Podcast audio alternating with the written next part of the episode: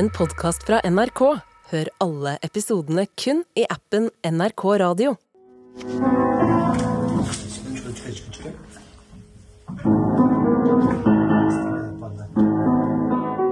Pianoet er ustemt og dekka av et tynt lag med støv. Rommet det står i, er en utbomba ruin. Og mannen som har satt seg ned, har hjelm og skuddsikker vest, kamuflasjeuniform og store hansker på seg.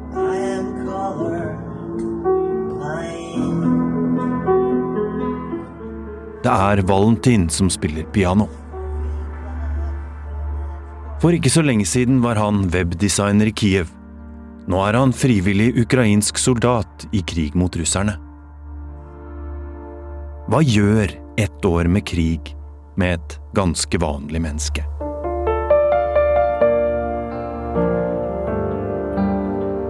Du hører på Urix, og krigen i Ukraina har nå vart i 365 dager. Mitt navn er Tore Moland.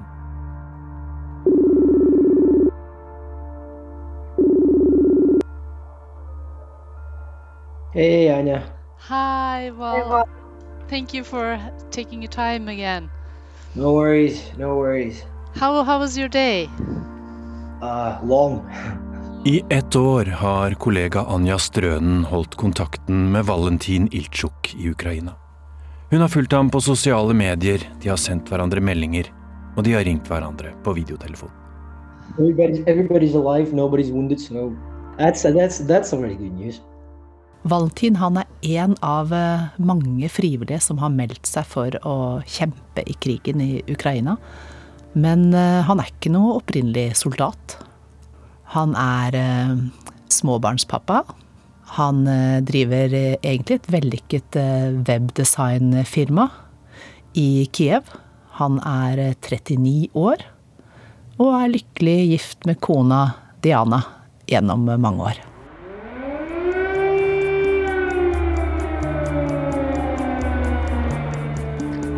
Da russerne angrep Kiev 24.2 i fjor, ble livet til Valentin og familien snudd på huet på under et døgn. Så natt til 24. så kommer jo de første rakettene. Og de våkner opp av noen drønn. Og da skjønner de at nå er eh, de i gang. Så nå gjelder det bare å pakke sammen alle sakene sine og komme seg til hovedstaden, for det er der den store kampen kommer til å stå. Så var jo kona hans og datteren på seks år i det samme huset. De hadde også forberedt seg. De hadde pakket et par eh, sekker. Datteren hadde våknet av disse smellene og var redd. Og de satte umiddelbart kursen for utlandet, for de skjønte at her kan vi ikke være, her er det ikke trygt. Jeg husker første samtalen jeg hadde med han. Da var han, han var sånn Nesten er lov å si han var litt høy på seg selv. Han eh, er kjempehumør. Nå skal vi bare kjøre på, nå skal vi inn til Kiev, og så skal vi kjempe. Og det var jo egentlig ingen som trodde at det kom til å bli noe krig, så dette går fort over, og vi har overtaket. Superentusiastisk. Og så snakka jeg med han i forrige uke. Og da sier han ja, vi kan sette på kamera, så vi kan se hverandre. Og da ble jeg litt overraska, for han hadde jo fortsatt det store smilet. Men det er en helt annen ro. Nå er, nå, nå er han ikke han er ikke høy på seg selv lenger. Han har fått skjegg i løpet av årets løp. Det er blitt uh, lengre og gråere.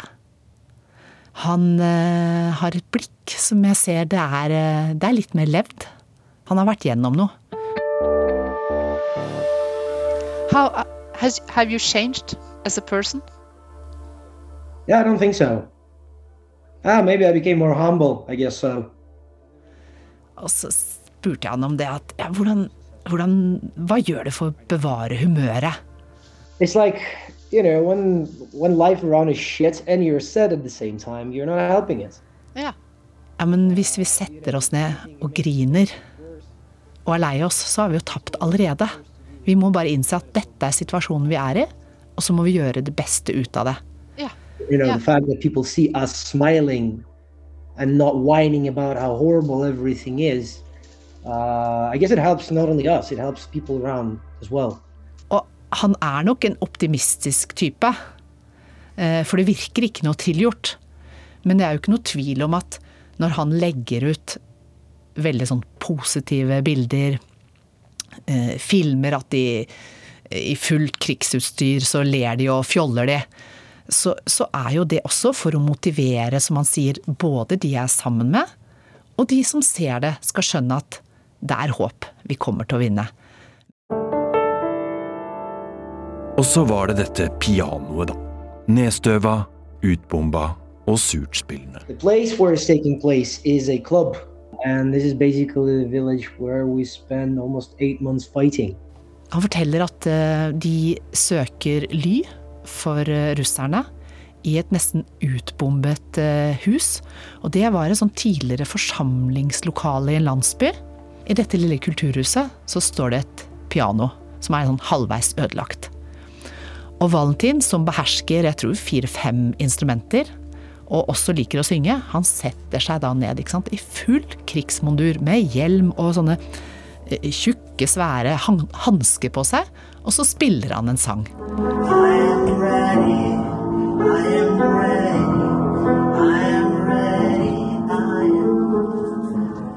We would take cover there from artillery fire because basically the village was pretty much completely destroyed så spiller han, og så filmer kompisen hans, og så snur han seg og ser inn i kameraet og sier at eh, dette er til eh, deg, kjæresten min. Han snakker til kona si.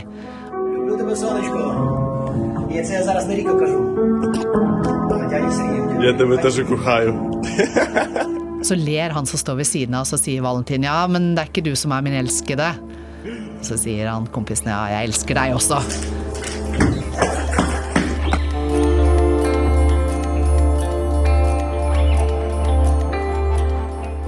Så hva gjør en frivillig soldat for å forsøke å ta vare på sin egen menneskelighet midt oppi en krig? Valentin Iltsjuk gransker seg sjøl lenge og hardt i speilet hver eneste morgen. You know, when we talked one year ago, you said that uh, every day you had a test. You remember that? No? No, Okay. no, you Oh, said, the mirror, the, the, the mirror test. yeah, you looked in the mirror, and if you didn't see a, a idiot or a crazy person, then everything was fine. Så sier jeg du, den speiltesten, husker du den? Ja, ja, den, eh, den driver jeg fortsatt med. Ja, fungerer den fortsatt? Ja, hva sa jeg da? Ja, du sa at hvis jeg ikke er en idiot, så, så er jeg på rett vei. Ja, nei, ja, jeg bruker den speiltesten, men nå ser jeg mer om, eh, om jeg ser et menneske.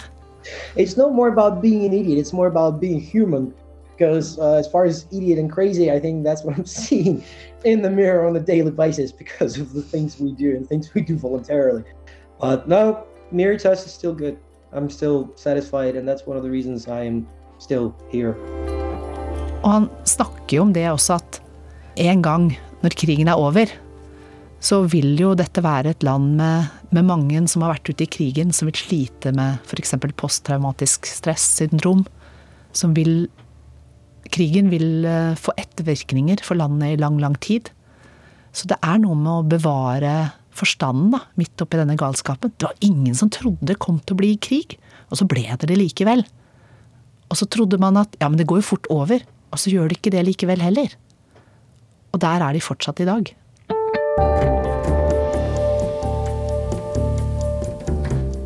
Hvordan ser Valentin på framtida nå, da? Etter ett år med krig? I'm not used to being without my family. Uh, I mean, despite the fact that I'm surrounded by my brothers in arms, no, it's quite, it's not quite the same. I mean, I'm too old to be, you know, to, to nourish the romantic flowers. Oh my God, the front friendship and stuff like that. All I really want is to be with my family. So. Jeg spurte om eh, hva han eh, drømmer om. Og da sa han at det eneste jeg drømmer om, det er å være sammen med familien min. Det er det som er absolutt det viktigste for meg. Og framtida, det har han ikke så veldig mange tanker om. Han er fortsatt like tydelig på at de kommer til å vinne. Men så sier han at jeg tror ikke vi kommer til å vinne før eh, Russland faller innenfra. Før russerne skjønner at dette her er helt feil. Og det tror han ikke skjer med det første.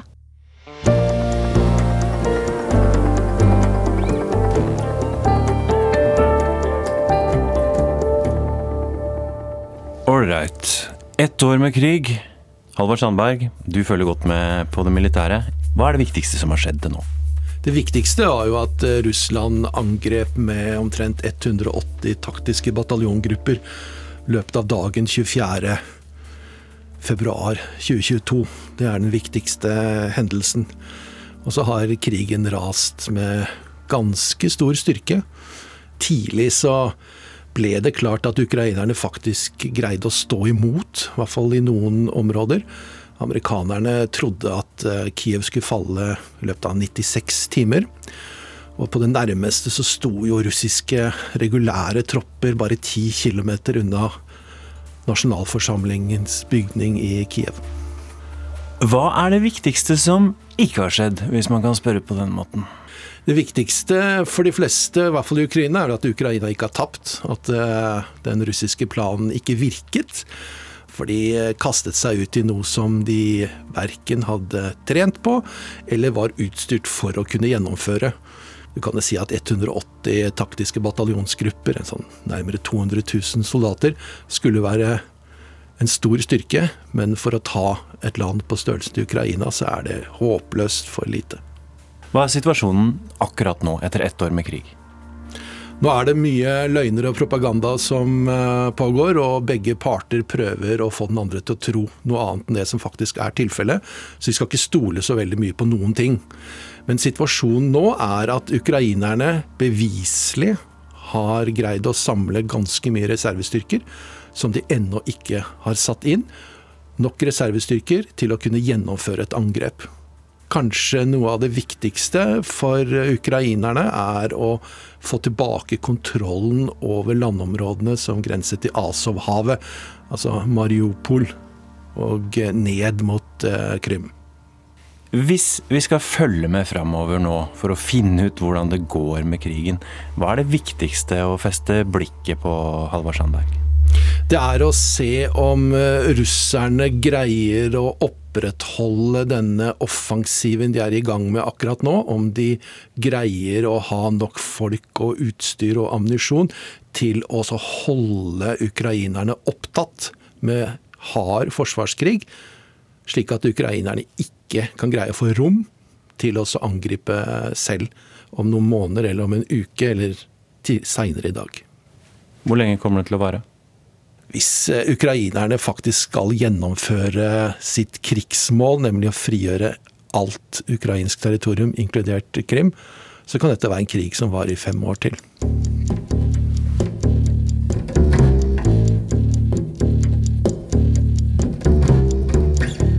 Du har hørt en podkast fra NRK Urix.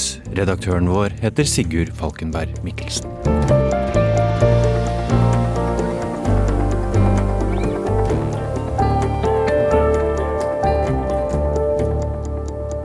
Du har hørt en podkast fra NRK. Hør alle episodene kun i appen NRK Radio.